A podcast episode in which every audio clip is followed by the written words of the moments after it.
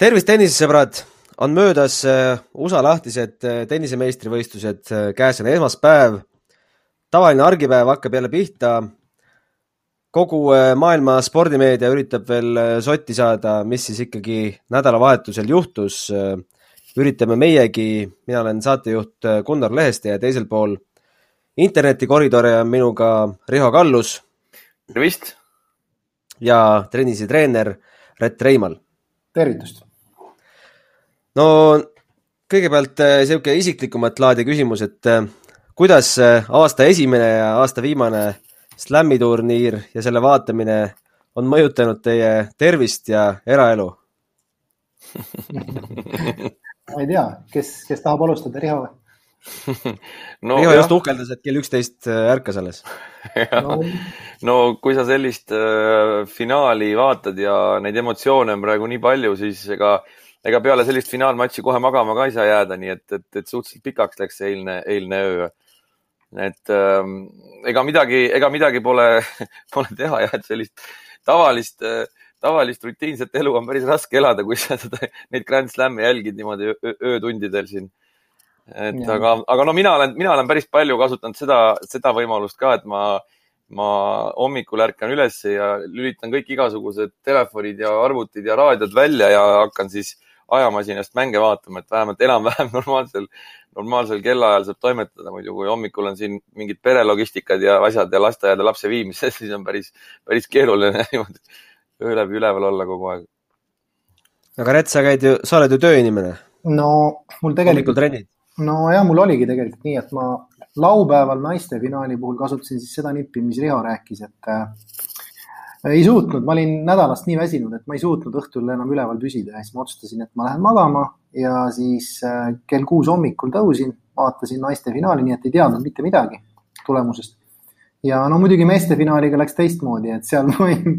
ei pidanud vastu, et äh, vaatasin otsast lõpuni siis laivis ära ja vaatasin pärast kõik kommentaarid ja kõik, kõik, kõik autasustamised, nii et ma läksin kell kolm magama ja kell, peale kella kuut hommikul tõusin, et tööle minna, nii et mul on pikk tööpäev ka kella poole seitsmeni veel, nii et väike paus on praegu. mul läks jah, erinevalt. no oli siis äh, igas mõttes ajalooline finaalide nädalavahetus, ühelt poolt äh, Emma Raducanu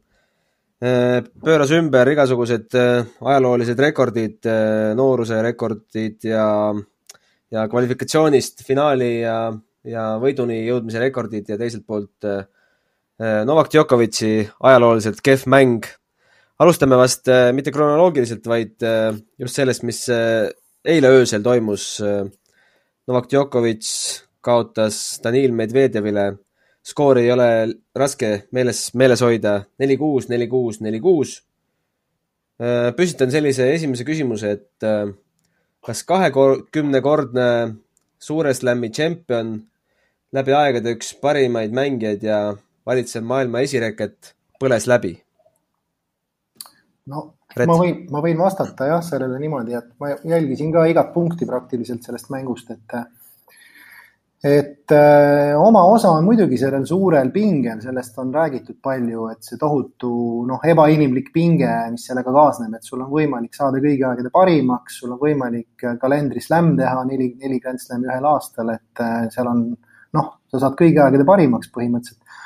aga ei tasu siin nagu alahinnata seda, kui hea mängu tegi Danil Medvedjev, et ma arvan, siin on nagu ma ei, ma ei oskaks nad nagu öelda, panna protsentuaalselt, kui suur osa on siin Djokovic'i ebakindlusel ja Medvedjevi heal mängul. ma paneks veits rohkem, paneks Medvedjevi hea mängu peale. et suur osa oli ikkagi selles, et Medvedjevi suurepärane servimine, no geniaalselt, geniaalselt hea servimine, mis ei lasknud maailma parimal servitõrjujal praktiliselt normaalset äh, tõrjemängu mängida, noh et, et oma osa oli mõlemal, aga, aga ma ütleks, et Medvedjev tegi suurepärase mängu, geniaalselt hea mängu. kuidas sulle tundub, Riho?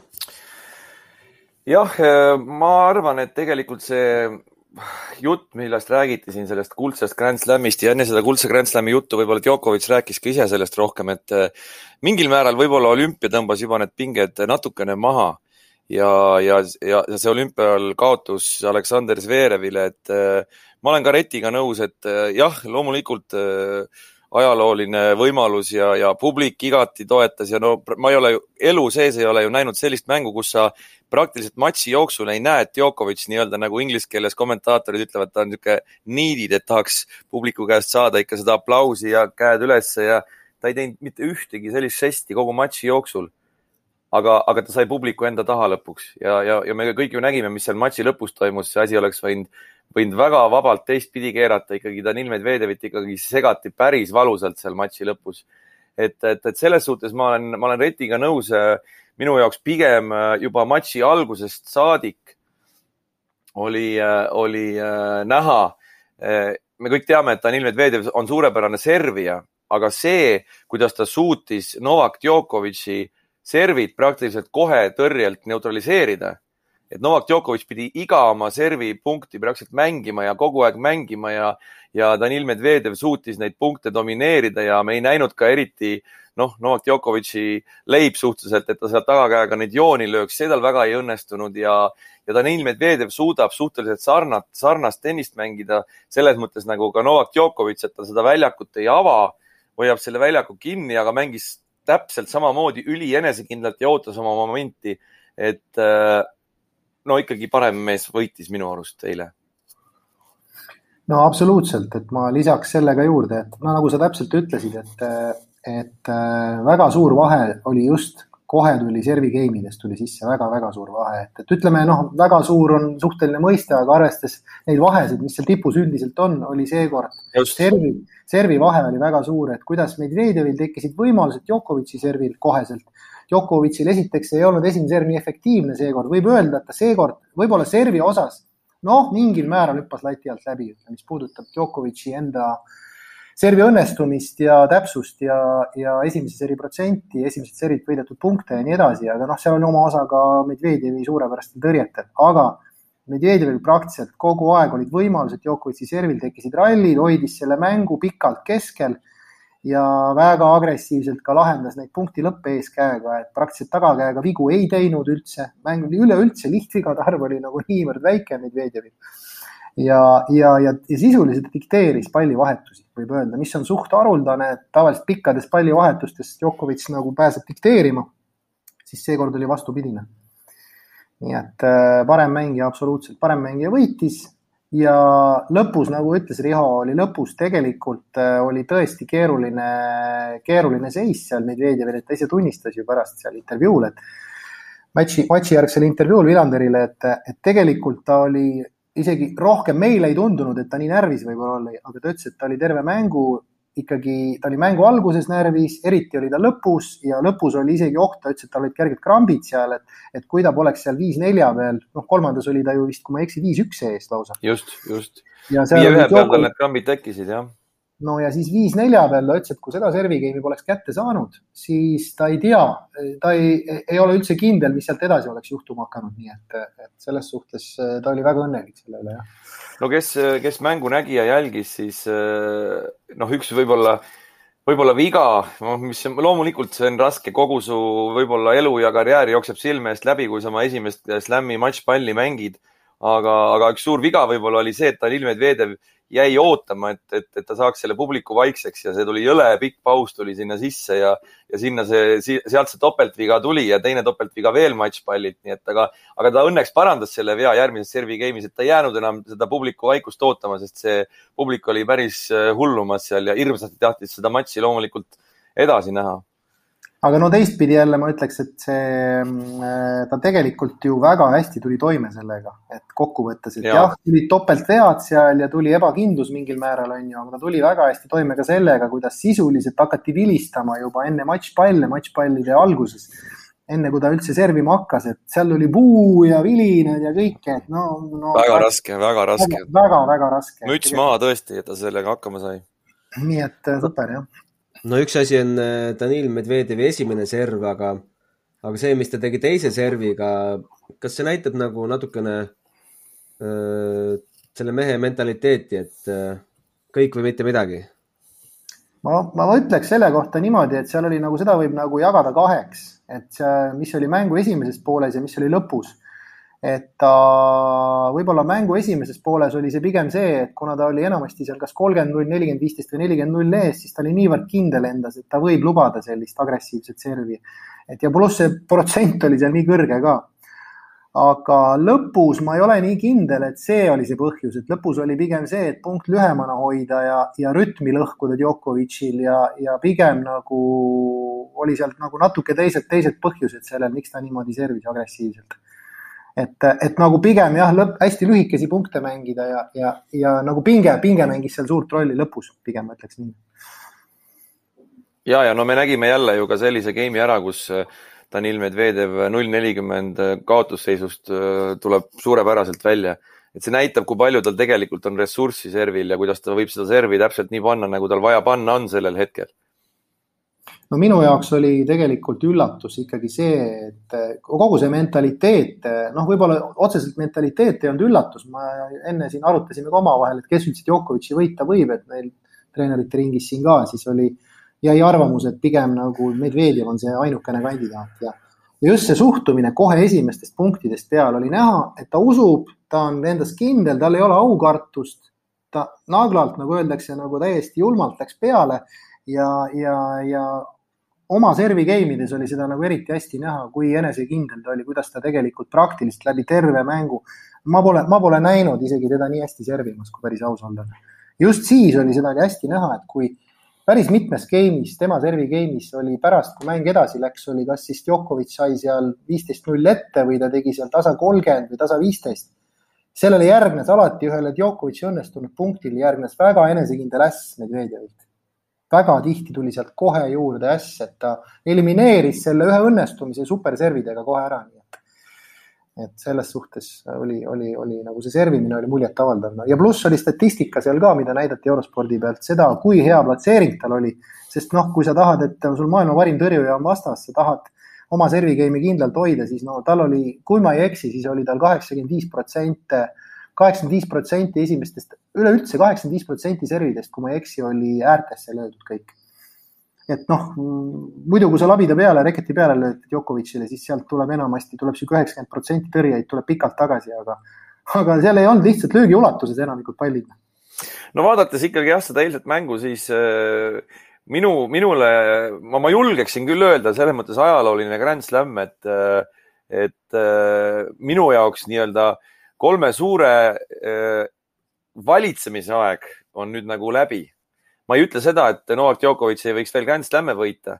aga, aga see läheb ikka üha raskemaks ja raskemaks ja raskemaks. et äh, no ma ise siin ka turniiri eel julgesin välja käia äh, Aleksandr Zverevi nime, keda mina pakkusin üldse turniiri võitjaks. Äh, Aleksandr Zverevi poolfinaalmatš oli, oli võib-olla sellist sorti mäng, kus noh, võib-olla see, võib-olla oleks paralleele hea tuua, kui kaks koera pannakse kuskile puuri kinni või, või nagu minnakse poksiringi, et, et enne kui matš pihta hakkab, on juba äh, silmavaatest sel, selge, kes kelle kõri läbi närima hakkab, et natukene oli seal seda vana Aleksander Zverevit taaskord väljakul näha ja, ja ta oli minu jaoks, ta oli natukene nagu riietusruumis juba läbi põlenud Djokovic'i vastu, et, et, et ta ei saanud, ta ei saanud sellist äh, enesekindlust näidata, nagu ta on siin pikalt-pikalt näidanud, et äh, sa oled ikkagi selles Novak Djokovic'i puuris, mis on siis Grand Slami peaväljak ja poolfinaalis ja tema seda nii-öelda mentaalselt võib-olla ei, ei pidanud vastu, aga, aga Danil Medvedjevi puhul tõesti, nagu ütles ka Rett, et äh, ta on selle finaali juba üle elanud sellel aastal seal Austraalias ja ta, nagu ta ütles ka, see oli tegelikult äh, läbikukkumine tema jaoks, et ta ei jätnud endast kõike sinna väljakule ja ta teadis, mis ta tegema peab ja, ja kuidas ta Novak Djokovic'iga mängima peab ja, ja see, see mäng äh, oli võib-olla selline nii-öelda künkast ülesaamise mäng nüüd seal oli üks huvitav tähelepanek, mille Medvedjev ütles ka, noh, selles mõttes huvitav, et äh, mis puudutas mängutaktikat, siis pärast platsijärgses intervjuus ta ütles, et mängujärgses intervjuus siis ütles ta platsi peal seal, et äh, Djokovic'iga on väga raske sellepärast, et äh, alati, kui me treeneriga mingi taktika paika paneme, siis reaalselt see ikkagi ei toimi, et reaalselt on vaja muuta seda suht kiiresti et äh, peab põhimõtteliselt mingiks viiekümneks erinevaks variandiks valmis olema, et iga jumala mäng on nagu erineva iseloomuga, et, et seekord ta justkui nagu oli selleks valmis. et ta peab kiiresti mängu muutma ja, ja noh, ei pea, ei saa lootma jääda mingile ühele kindlale mänguplaanile, nii et selles suhtes oli päris huvitav see kommentaar tal et no, nii raske poolt..., nii raske vastasega on tegemist. no ühelt poolt äh, kindlasti Danil Medvedjevi hea mäng äh, sättis selle lõppskoori selliseks, aga, aga ikkagi, kui mõelda, miks Novak ei olnud üldse oma parimal tasemel, oli oma parimast tasemest noh, kalendri kaugusel, siis mis need põhjused võivad olla, et Novak ise ütleb, et jalad olid kuidagi kinni ja emotsionaalselt raske, rasked kaks nädalat, aga jätab ta meile midagi ütlemata, mis ta arvab? No ma arvan, et kui ikkagi spekuleerida siin, et mis see siis on, et äh, esiteks ma, mina ei ütleks, et ta kalendriaasta kaugusel oma parimast mängust jäi. esiteks tal ei lastud oma parimat mängu mängida. Äh, äh, ta mängis keskmise mängu, ma ütleks. Medvedjev mängis suurepärase mängu, Djokovic mängis oma mingisuguse niisuguse keskmise, millega ta tihtipeale esimesi, teisi, kolmandaid ringe võidab Grand Slamidel aga täna ilmselgelt sellest ei piisanud, ta oleks pidanud hästi mängima, hästi ei saanud mängida ja aga noh, üks põhjus, ma arvan ikkagi loomulikult, no see on nagu siin kommenteerisid ka eurospordi spetsialistid, et see on ikkagi ebainimlik surve, mis kaasneb kõige sellega. Grand Slami suure, ühesõnaga siis kuldse slam'i tegemine, kõigi aegade parima tiitel, me võime rääkida mida iganes, aga see istub kuklas kogu aeg, see ja ma, ma arvan, et see ikkagi,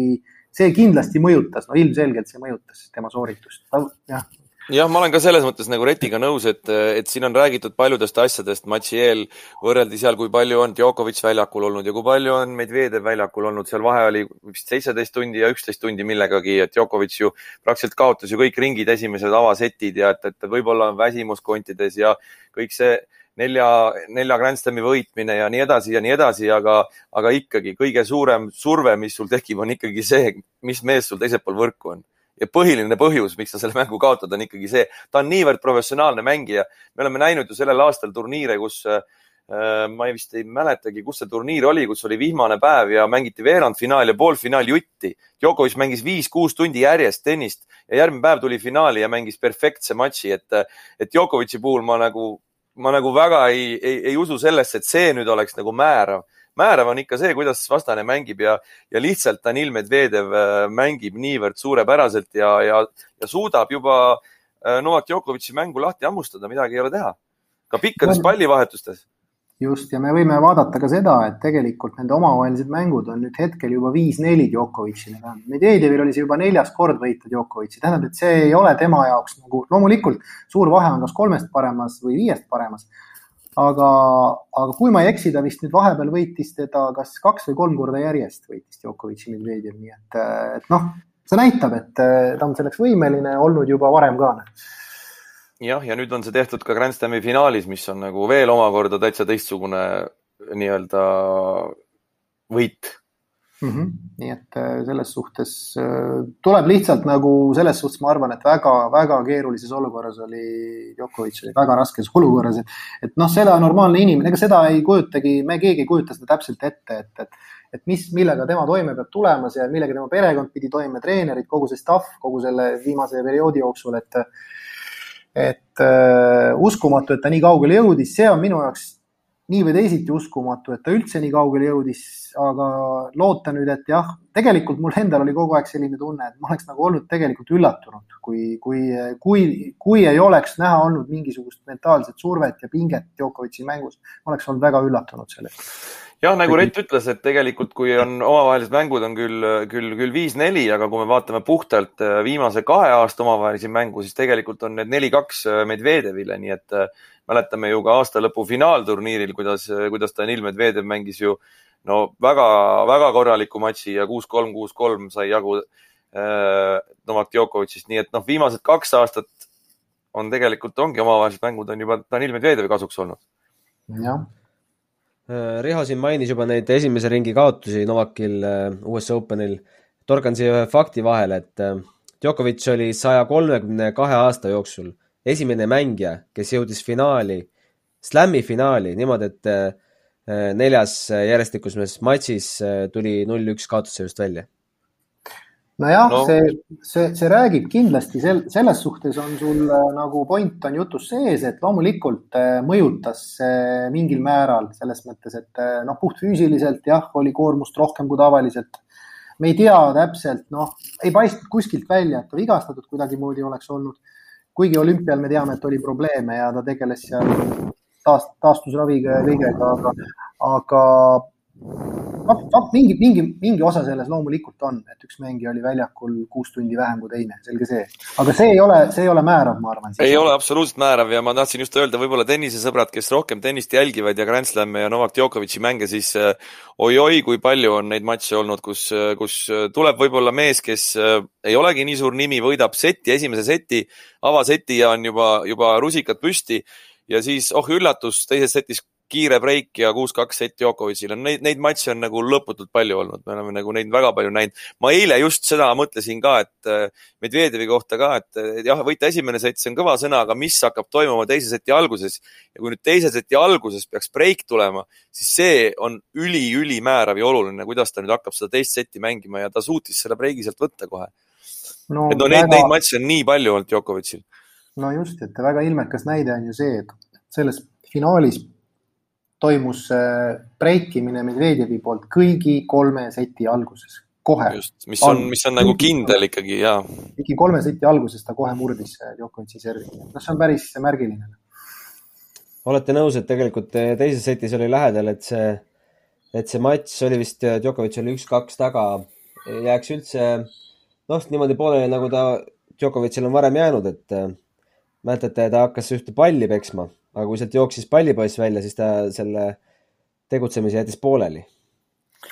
Pallitüdruk vist isegi. ja ta tegi nagu ta oleks reketit tahaks nagu visata, aga ta, ta tegi lihtsalt selle liigutuse sinna puki kohtuniku suunas natuke, kuna seal oli see situatsioon, kus äh, muusika pandi mängima, tal oli, tal oli murdepall, muusika pandi mängima ja ta sellepärast punk katkestati ja anti uus esimene serv Danil Medvedjevile. tegelikult ta tegi selle natuke nagu puki kohtuniku suunas, lihtsalt see pallipoiss sinna jooksis peale aga noh, eile me nägime ka reketi purustamist ja, ja selliseid asju. kuigi mina ütlen, et äh, ma, ma isiklikult äh, eilse mängu põhjal nähes Novak Djokovic'i, nähes Novak Djokovic'iga pisaraid puistamas ja kuidas ta, kuidas ta eile käitus ja oli väljakul, siis äh, mulle see kõik väga meeldis. mulle see kõik väga meeldis ja minu arust ta on nagu ka isiksusena võib-olla sammu edasi teinud jälle, et, et peale sellist kaotust äh,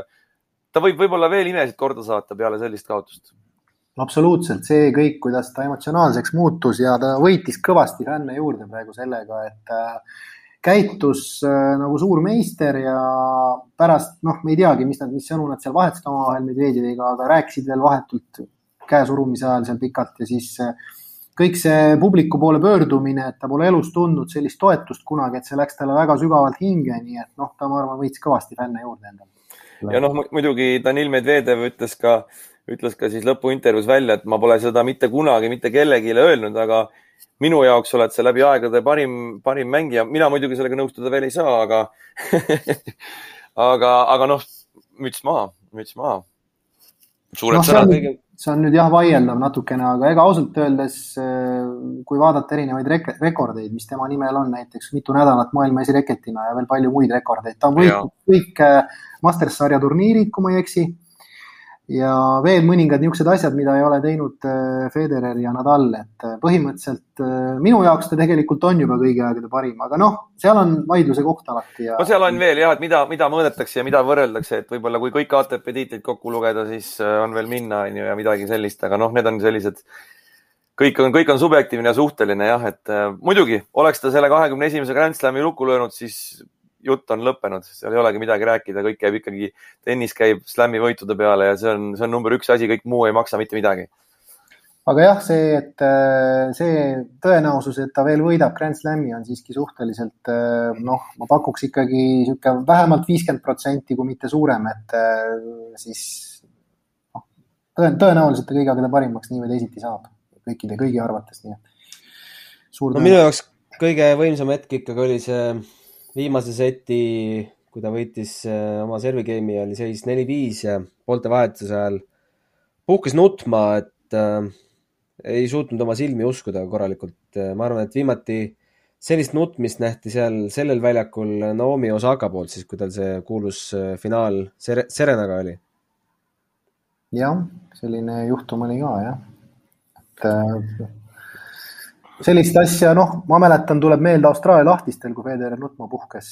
kui ta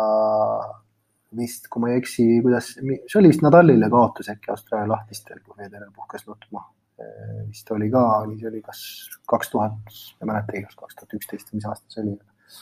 aga jah, ei noh, see on jällegi inimlikult jällegi ma ütlen, et need, need rikastavadki kõik seda tipptennist ja seda tippsporti ja kogu seda. ma ütlen, et kogu see US Open oli seekord niivõrd eriline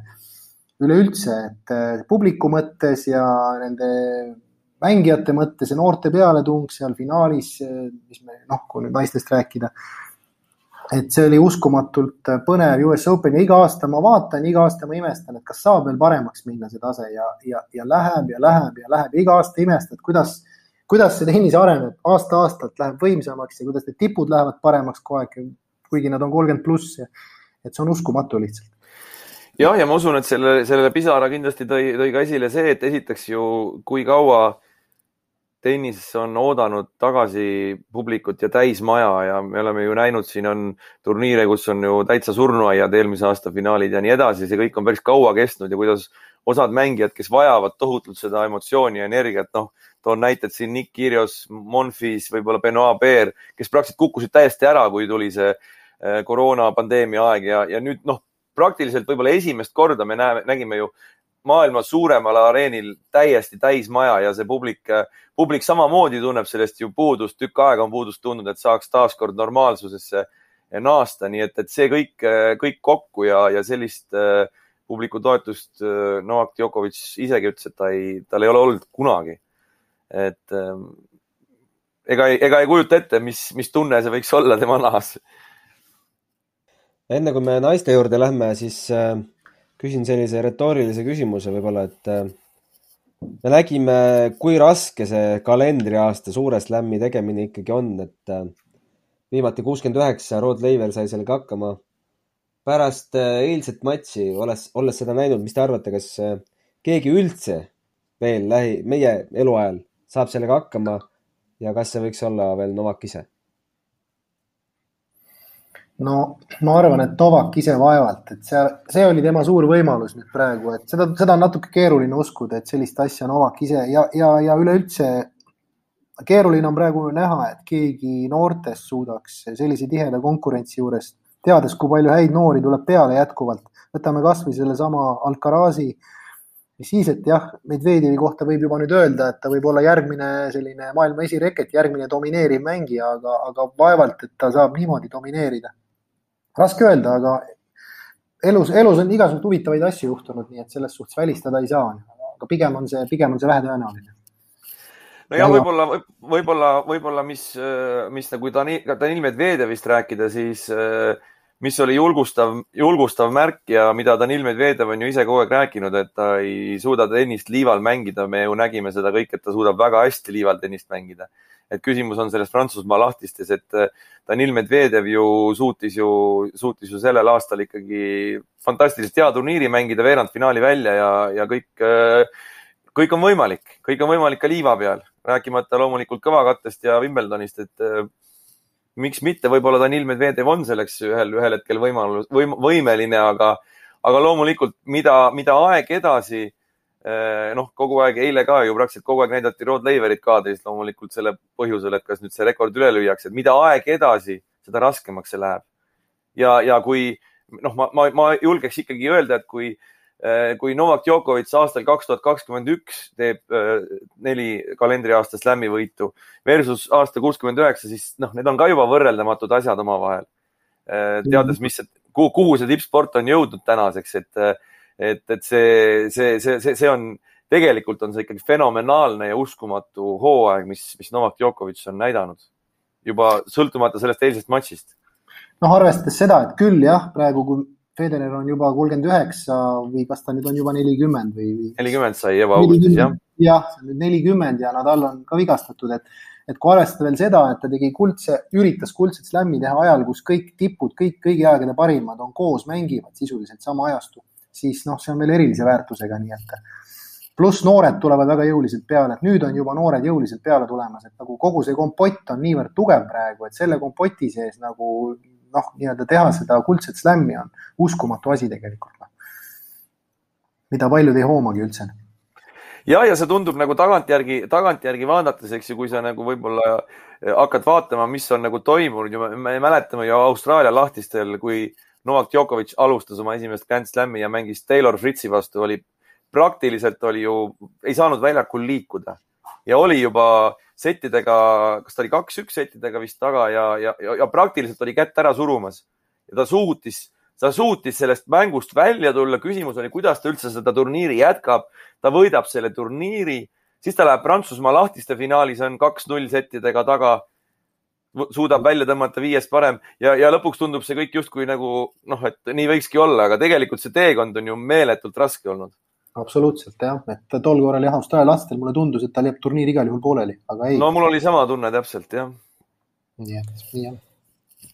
no kui meeste finaalis äh, mängisid meil esimene ja teine asetus, siis äh, naiste finaal oli kaheksateistaastase Briti ja üheksateistaastase kanadalanna vahel. Äh, Emma Raducanu võitis kümme matši järjest kvalifikatsioonist tulles, settigi loovutamata ja võitis selle finaali ka veel kuus, neli, kuus, kolm. et äh, kellelgi äh, kommentaare Emma Raducanu kohta, et. Äh, no mul oleks päris palju kommentaare mul oleks päris palju kommentaare, et no, noh, seal juba paljud eksperdid arvasid, et see on selline asi, mida noh, ma ei kujuta ette, kas lähemate aastakümnete jooksul keegi üldse kunagi korrata suudab, sest et võita kümme mängu niimoodi, tulla kvalifikatsioonist, esiteks pole keegi võitnud turniiri kvalifikatsioonist tulles, võita niimoodi, et kvalifikatsioonis vist üks sett oli seitse-viis, ülejäänud olid kõik äh, väiksema skoori, suurema eduga, pluss põhitabelis ükski sett ei olnud võidetud äh, napimalt kui kuus-neli et see on täiesti uskumatu, aga uskumatum veel kui see saavutus, see saavutus ise on muidugi uskumatu, on ka tema mäng, et selles mõttes äh, võib-olla, võib-olla uskumatu on palju öeldud, aga, aga see mäng ise on nii küps ja niivõrd mitmekülgne ja niivõrd nagu siis, kuidas nüüd öelda, noh, selles mõttes väga, võib-olla isegi, teda on võrreldud natukene isegi mingitest elementidest Djokovic'i endaga. Milline liikumine, milline kaitsemäng, milline tasakaal, balanss ja, ja mängu lugemine et äh, serv näiteks, et noh, põhimõtteliselt nagu täispakett, et äh, finaliste mõlemaid võrreldi, et nad on nagu täiesti valmis mängijad, et seal nagu, seal ei olegi, seal nagu otseselt selgelt nõrku kohti ei olnudki kummalgi. enne kui sa, Riho, jätkad, siis äh, see, see kvalifikatsioonimatš, mis oligi tal kõige, kõige raskem matš võib-olla selle mäng, noh, numbriliselt. Grusiin Mariam Polkvatse vastu kuus, kolm, seitse, viis kvalifikatsiooni teises ringis jah ähm,, ma ka kuidagi, kuidagi, kui seda, kui seda finaali vaatasin ja ma tooks siia juurde ka Leila Fernandese, et, et, et ma, ma olen, ma olen tükk aega mõelnud, et, et kui, kui noh, Nadal ja Federer on juba tükk aega siin nii-öelda lõpetamise piiri peal olnud ja see olukord on päris keeruline, et, et, et päris suur amps nagu sellest tennisest võetakse, võetakse ära sellega, et, et kes selle tühimiku täidaksid, siis kui ma seda finaali vaatasin, siis ma ütlesin, et vot need kaks tüdrukut selle tühimiku täidavad, et nad on äh, sellised karakterid, sellised isiksused, nad nagu meeletult rahvale meeldivad, see on nagu üks asi, sa võid hea mängija olla, aga kui sa oled selline isiksus, kes ka rahvale meeldib ja no nagu me nägime neid naeratusi ja kõik, kõik meedia kirjutab nendest äh, tüdrukute naeratustest ja neid pilte oli kõik kohad täis, siis, äh, siis no see on tennisele tohutu kingitus, et need tüdrukud äh, ennast sinna finaali välja mängisid, üks asi. teiseks, et see võit selline tuli ja, ja mina usun küll, no eks siin on palju spekuleeritud naiste tennise puhul, et no me näeme, näed, tuleb üks tüdruk ja, ja järgmine kord teda ei ole ja siis tuleb jälle järgmine ja jälle ei ole. noh, a la nagu siin Jelena Ostapenko on olnud ja neid näiteid on veel ja veel, siis kuidagi nende tüdrukute puhul on, on mul sisetunne teistsugune nii Emma Raducano kui ka Leila Fernandese koha pealt, et, et ma arvan, et neid tüdrukuid me ikkagi näeme veel ja veel ja need tüdrukud on võimelised neid Grand Slam'e siin mõlemad võitma. ma kuidagi, ma ei oska öelda, selline, selline emotsioon ja tunne mul neid nähes tekkis, sest Emma Raducanu, okei okay,, rääkimata sellest, et ta turniiri alguses oli maailma saja viiekümnes reket ja nüüd on kahekümne kolmas. ta oli ju mõned kuud tagasi, ta oli kolmsada ei tea kus ja ta mängis ITF turniire alles suvel. kahekümne viie tuhande dollari ITF turniire, kus meie tüdrukud mängivad. see kõik oli alles mõni kuu tagasi. et see, see, see on ikka, see on muinasjutt, see, selliseid asju, ma olen Retiga nõus, et kas selliseid asju üldse kunagi juhtub?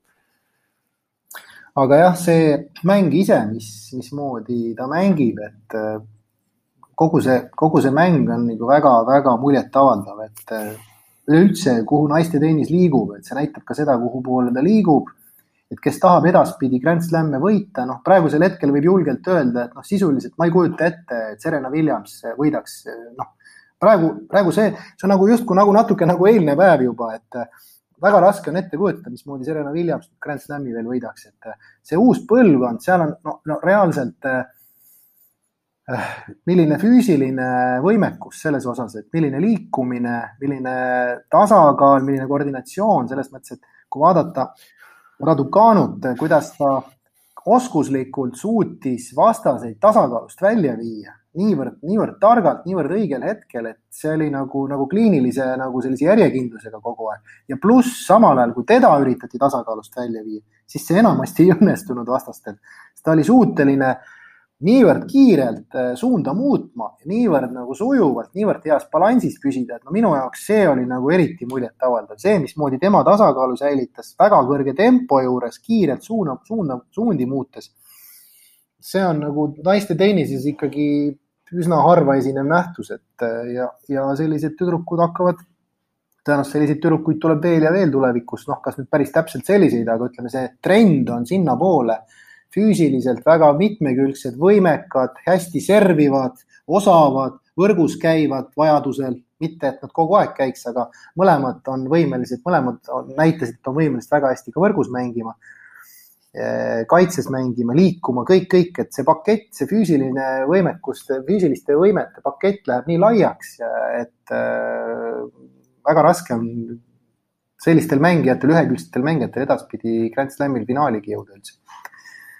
Et see on nagu täitsa uus trend, uus suund, mis on juba mõnda aega kestnud tegelikult, aga, aga ma arvan, see läheb aina rohkem, rohkem nagu siis laiemaks läheb kogu see trend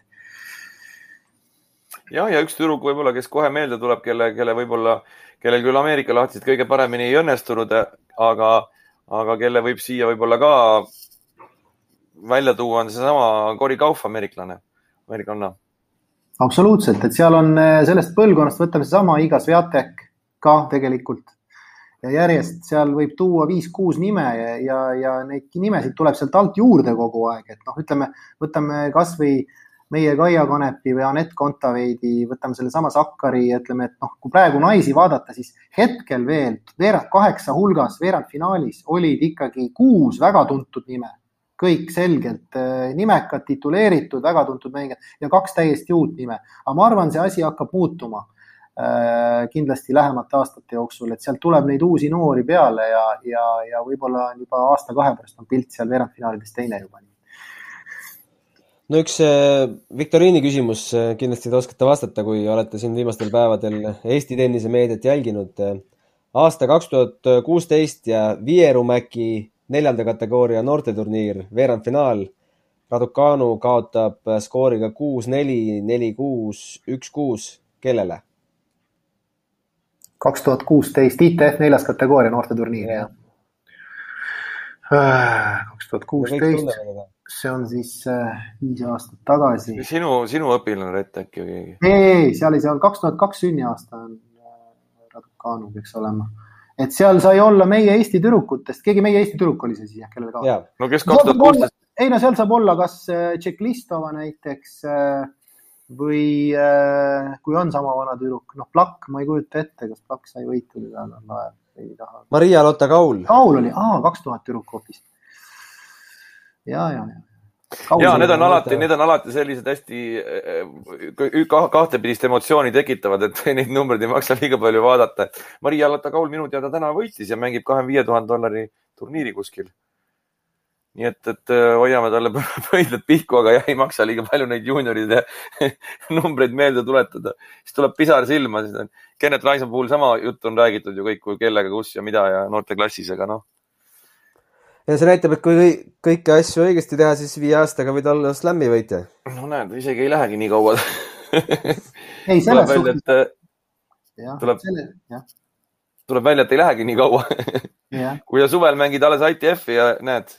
septembris oled juba Grand Slami võitja. ei, loomulikult, äh, loomulikult äh, tehakse väga paljusid asju õigesti ja tehakse väga professionaalsel kõrgel tasemel ja, ja vaieldamatult on, Gunnar, sinu jutus on tõetera sees, noh et, loomulikult on oma osa, väga suur osa järjekindlal, sihipärasel, teadlikult õiges suunas tehtud tööl. loomulikult, aga tegemist, ma mäletan, nii palju kui ma mäletan, Raducanu oli juba siis peeti lootustandvaks ja väga andekaks mängijaks, mitte et meie noori ei peetud, on ju, aga, aga ütleme nii, et jah, et ta on kogu aeg olnud seal ütleme siis Inglismaal on seal, ütleme siis tennise, tenniseliidu huviorbiidis olnud, nii et temast on, temast on loodetud juba mitmed aastad tagasi kindlasti üht koma teist. ma olen lugenud, et, et miks me võib-olla pole Raducanus kuulnud varem suuremat läbimurret, ma ei tea, viieteist, kuueteist aastaselt, et talle isa soovis väga, et tütar panustaks paralleelselt ka haridusse, et tal oleks tulevikus mingi back-up plaan et äh, võib-olla kui oleks kohe tennisele keskendunud, oleks läbimurre veel kiiremini tulnud. no ma kuulsin sellist asja, et vist kui ma ei eksi, oli ta olnud lausa, nii uskumatu kui see ka pole, kas mitte viisteist kuud täiesti tennisest eemal selleks, et korralikult kool ära lõpetada. et noh, viisteist kuud täiesti eemal, noh, ütleme nii, võib-olla mängis mingil määral väikse koormusega, noh, tõenäoliselt, aga, aga noh, tõsisest tennisest, tipptennisest eemal. ma ei tea, kes, kui keegi pani tähele, siis tegelikult ka Raducanu äh, treener väga hindas seda ja ütles, et äh, selle Grand Slami võidul mängib väga olulist rolli see, et ta oli just äh, koolis väga head tulemused teinud, mingi A-kategooria peale mingid tulemused teinud, et väga olulist rolli mängib see, kui tubli ta on koolis. et, treener ütles ka mitte, et mitte, et me oleme tennisest midagi ära võtnud ja tegeleme haridusega, vaid vastupidi, et et ta tervikuna on see, kes ta on, et ta on niivõrd täiskasvanud. kui sa kuulad ka tema intervjuusid, kaheksateistaastased ei anna selliseid intervjuusid tavaliselt, siis kõik see on oluline ettevalmistus, et sa saaksid selliseks küpseks äh, mängijaks nii noorest, äh, noorest peast. nii et väga õige, väga õige tee. absoluutselt jah, nõus, nõus täiesti sellega. ja Raducanu karjääri on ju väga suures osas kujundanud ka Nigel Sears, mis näitab veel korda, millise eksperdiga Anett Kontaveidil päris pikalt tegemist oli absoluutselt jah, ja ütleme üldse LTA teeb väga head tööd ja, ja seal on juba need viljad vaikselt tulevad ja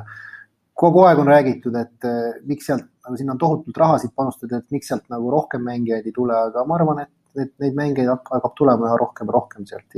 Suurbritanniast ka, nii et. no sidudes siia saate lõppu äh, finalisti fi,, finaali koosseisu natukene ka meie mängijatega, siis äh, noh, me oleme korduvalt näinud, kuidas meie mängijad kaotavad siin varasemates ringides hilisematele finalistidele või isegi võitjatele siis äh, kes oleks osanud arvata, et, äh, et Anett, et äh, mitte Anett Kontaveidi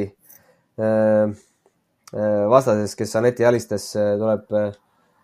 finaali vastane, vaid tuleb hoopis Kaia Kanepi alistanud Leila Fernandesest, eks?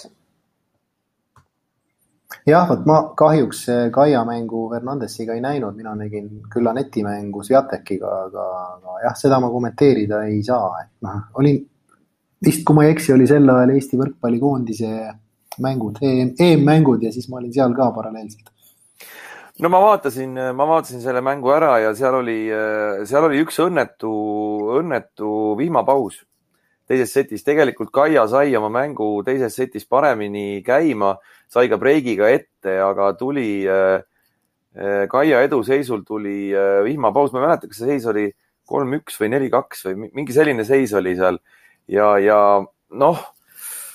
ka varem olen ma näinud neid, et need, need vihmapausid ja selline, ta on natukene võib-olla aeglasema alustamisega kui teised mängijad, Kaia, et, et, et see, see kuidagi peale seda vihmapausi ta ei, ta ei saanud seda rütmi kohe kätte, mis tal, mis tal enne seda oli, et tal võttis kogu see esimene sett ja teiseti algus, siis ta leidis selle hea rütmi ja Kaia ju õnnetu asi oli see, et Anett sai ju suurepärase turniirivõidu ja matši alla Clevelandis, aga Anett, Kaia ei saanud neid mänge, Kaia oli liiga vähe mänginud. Et ma, ma hirmsasti hoidsin pöidlad pihku, et ta need kaks esimest ringi võidaks, et siis ta võib juba Osaka vastu võib juba väga huvitavaks minna. aga jah, tagantjärgi vaadates,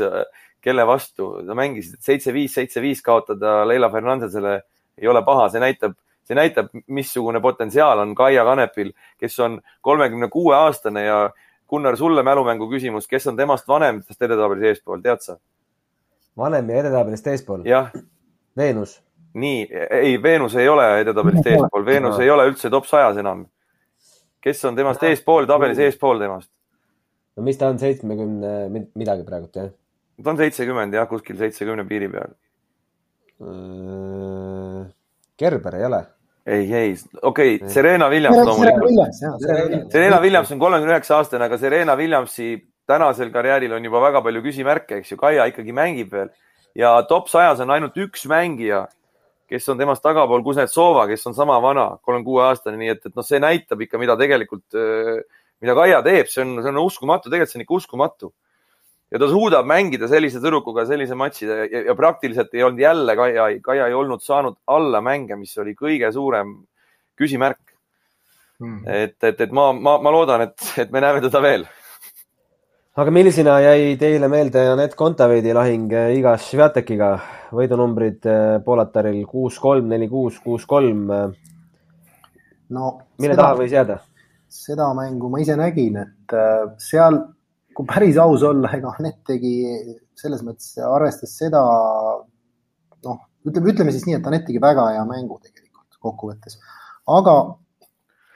millest seal nagu puudu jäi tõenäoliselt ongi see, et natuke mitmekülgsusest, sest et tegelikult oli nii, et mida võimsamalt Anett lõi, seda ma ei ütle, et paremini, aga, aga ühesõnaga see aina võimsam ja võimsam löömine lõpuks efekti ei andnud Sviateki vastu, sest Sviatek oma füüsilise võimekuse, hea liikumise, hea reaktsiooni ja koordinatsiooniga tuli väga hästi toime selle tempo muutusega. Et Anett sisuliselt vahepeal lõi täiega, no see mäng oli niivõrd kõrges tempos, niivõrd agressiivne, no puhas sihuke no tagajoonel selline paugutamine käis, et uskumatu. aga seal oli ka üks huvitav näide, et äh, Shelby Rogers äh, võitis Ashley Bartit, kui te mäletate ja siis Shelby Rogers ütles ka nii, niisuguse asja äh, seal mängujärgsel intervjuul, et, et mulle tegelikult meeldib jube kõvasti lüüa. Aga, aga Ashley Bartiga ma tundsin, mida kõvemini ma löön, seda vähem mul šanssi on. ja tõmbas selliste topspinnidega, kõrgemate pallidega, muutis rütmi, mängis no võib-olla enda jaoks harjumatut mängu. Ja noh, ma näen, et seal oleks Anetil olnud ka rohkem šansse, kui ta oleks seda mängurütmi muutnud rohkem, aga nüüd on küsimus, kas ta ise tunneb ennast väga nagu väga hästi sellise asja juures, kas ta suudab, kui hästi ta suudab seda teha. Ja, ja nii edasi, nii edasi, et, et kindlasti oli võimalus seda mängurütmi lõhkuda ja, ja natuke teistmoodi mängides oleks võib-olla mingid võimalused olnud suuremad. aga puhtalt nii, nagu ta mängis, ta mängis nagu, nagu tõesti täiesti maksimumi peal, arvestades seda stiili, noh, sealt enam paremini minu arust selles stiilis Anett ei olnud võimeline mängima minu arvates jah, me siin enne, enne Ameerika lahtiseid äh, Toomas Leiusega just oli arutelu ja, ja, ja Toomas Leius arvas ka, et äh, Anett on võimeline igas Viatekit võitma, et see ei ole, see ei ole, see ei ole sein Aneti jaoks, see kolmas, kolmas ring. eriti just vaadates seda, äh, mida Anett tegi Clevelandis. et -hmm. Clevelandi turniiri võib-olla kaks matši, mis ma eriti välja tooksin, mida me ka Leiusega vist kommenteerisime mõlemad värske olümpia paarismängu kuldmedalisti Katariina Siniakovaga matš veerandfinaalis ja Sara Sorribes Tormoga matš eriti poolfinaalis, kus ma esimest korda või me nägime just seda, kuidas Anett oli võimeline oma mängutaktikat muutma, totaalselt muutma ja oli võimeline ka tempot alla tõmbama, mängima pikemaid punkte, otsima, otsima hetki ja ei olnud tal võib-olla Aneti, Aneti mäng on võib-olla olnud äh, varasemalt selline natuke ühekülgsem ja rohkem selline noh, ründavam ja taktika selline lühemad punktid ja tahaks, tahaks äh, kiiremini punkti ära lõpetada, siis see turniir oli äh, nagu ütles ka Toomas selle kohta, et, et tihtipeale, kui sul uus treener tekib, siis need muudatused võivad äh, toimuda kohe, koheselt. Ja, ja, ja minu jaoks see oli muudatus Aneti mängus, et, et väga ja väga positiivne muudatus. Küsimärk loomulikult Aneti puhul on tegelikult see, ma arvan, et tal ei ole ka mitte mingit seina selles mõttes sees, et jõuda ka top kümne hulka. seal tuleb teha samm kindlasti edasi äh, füüsilises äh, nii-öelda konditsioonis, et kui noh, see on väga raske töö ja see, ja see võtab aega, neid asju ei saa muuta üleöö. aga, aga ütleme, kui vaadata aasta perspektiivis ja, ja, ja, ja, ja kõvasti, kõvasti vaeva näha, siis äh, Anett on võimeline, võimeline üllatama kindlasti no absoluutselt sada protsenti sinuga nõus, et äh, ma tahtsin ka selleni jõuda, et äh, kui nüüd vaadata veel tagasi korra sellele mängule Sviatekiga, siis noh, kui ikkagi mängu tempo läheb nii kõrgeks, nagu nad seal selle tempo ajasid, siis ju läheb erakordselt oluliseks, muutub kogu see liikumine, balanss, tasakaal, kõik need füüsilised näitajad, et, et seal lihtsalt, seal lihtsalt kuskil tulebki piir ette hetkel, et kui sa mängu väga-väga-väga kiireks ajad eh, ja mingisuguste muude elementidega, ütleme, et sa mitmekülgsuse arvelt sealt kuskilt. Eh, ühesõnaga kokkuvõte on see, et eh, üks pool on kindlasti füüsiline pool, teine osa on kindlasti ja see on seotud, need asjad on omavahel seotud, on see mängu mitmekülgsemaks muutmine sest et fakt on see, et see uus põlvkond, ta mängib väga füüsiliselt äh, atraktiivset tennist, väga head liikumisega tüdrukud tulevad peale aina paremad, füüsilises konditsioonis tüdrukud tulevad peale, aina mitmekülgsemad tüdrukud ja loomulikult paneme siis sinna juurde selle servi ka kindlasti. servi muutmine mitmekülgsemaks, äh, noh, nii-öelda veel paremaks, eks. teine serv eriti et äh, tegelikult Anett on ju hakanud ka paremini servima. ja just, et Clevelandi turniir jääb väga hästi servis seal. ja, ja et esimene serv ja, ja ka teist servi on hakanud seal varieerima rohkem. Clevelandis ma vaatasin, isegi toimus ka, hakkas ka teisel servil varieerima rohkem, et ta nõus Rihoga, et ta on hakanud mängu varieerima rohkem ja selles suunas peab liikuma. ja seesama paarismängus osalemine, ta vahepeal mingi perioodi osalenud, nüüd jälle osaleb. ma arvan, et see on õige samm, osaleda ka paarismängudes see annab jällegi väikse sellise tõuke mängu mitmekülgsemaks muutmise poole. mis mulle Aneti viimastest intervjuudest on kõrva hakanud, et uh, uus treener Dmitri Tursunov on toonud selle mängulusti uuesti silmadesse tagasi, mis vahepeal uh, ta tunnistas, et oli kaduma läinud, et sellest ju tegelikult hakkabki kõik pihta. jah, ma kuulsin ka seda, et absoluutselt see on väga-väga-väga oluline kindlasti. jah, ma pean ka ausalt tunnistama, et ega, ega ma selles mõttes olin päris mures Aneti pärast, et eh, Wimbledoni turniir, kus tal väga ei õnnestunud, oli viimane ju võit oli Wimbledonis, siis pikk paus, siis tuli olümpia, kus tuli kohe kaotus ja, ja nüüd eh, enne Ameerika lahtiseid see üks, üks, üks turniir, eks ju, et, et, et, et kuidas ta nüüd ree peale saab, et kui, kui seal oleks ebaõnnestunud, ütleme esimestes ringides, oleks võinud eh, noh, mentaalselt üliraske olla New Yorki mängima minna et mul on nagu jube hea meel, et ta tegelikult ikkagi sai nagu ree peale tagasi väga kiiresti. absoluutselt jah, et see Clevelandi turniir oli väga-väga olulisel kohal. Ja muidugi ei, ei maksagi, noh, jällegi joome selle füüsilise poole peale, et ei maksagi alahinnata seda matšide arvu, mis tal järjest oli seal, et seal vahed olid väga väiksed, et eh, turniiri võit, siis praktiliselt paar päeva vahet hakkas Grand Slam peale ja siis eh, lõpuks tuligi seal see raske matš Sviatekiga tõenäoliselt oli juba ka füüsiliselt oli suhteliselt piiri peal seal, ma arvan, et, et, et kindlasti see mängis ka oma osa, et ta oli suhteliselt juba suhteliselt väsinud, ma arvan. igatahes ootame huviga järgmisel nädalal toimuvat Ostrava turniiri, kus Anett peaks olema üles antud. loodame, et sinna läheb ka, aga mida veel väga suure huviga kindlasti ootame, võib-olla paljud kuulajad ei teagi, et sel nädalal on toimumas Davis Cupi lahing Šveitsiga, Šveitsis Zürichis, äh, oli vist Zürichis? ei ole Zürichis. Piil oli vist see linn äh, ah. kuskil, jah. Eesti poolt on väljas äh, Vladimir Ivanov, Danil Klinka, Mattias Siimart, Siim Troost, Mark Lajal ja vastaste nimekaim mees on Henri Laaksonen, maailma saja kolmekümnes reket. ja seal on veel top kahesajas ja top kolmesajas olevaid mehi ja siis paarismänguks või siis ma ei tea, varumeesteks toodud ka mehed äh, ka, kaheks, kaheksandast sajast ja siis äh, peale tuhandet, aga milliseks hinnata, Riho, Eesti võiduvõimalusi? no mäletan, et äh, šveitslased Hustler, Stricker võitsid just ATP turniiri paarismängus. et nende, nende pink on, on väga pikk ja need mehed on mõlemad ju noored mehed tegelikult. no Stricker on alles kaks tuhat kaks sünniaastaga ATP kakssada üheksakümmend kaks täna ja, ja Hustler üheksakümmend kuus, äh, noorem, natuke vanem, aga maailma saja kuuekümne üheksas, nii et need on, need on juba väga kõvasti kanda kinnitanud juba siin ATP turniiridel ka, need mehed, nii et meil on väga-väga äh, tõsised vastased. Äh. no mind väga üllatas ja väga positiivselt üllatas Mattias Siimar Pärnu turniiril. see oli küll liiva peal, aga, aga, aga Mattias Siimar suutis ju suurepärase turniiri mängida, et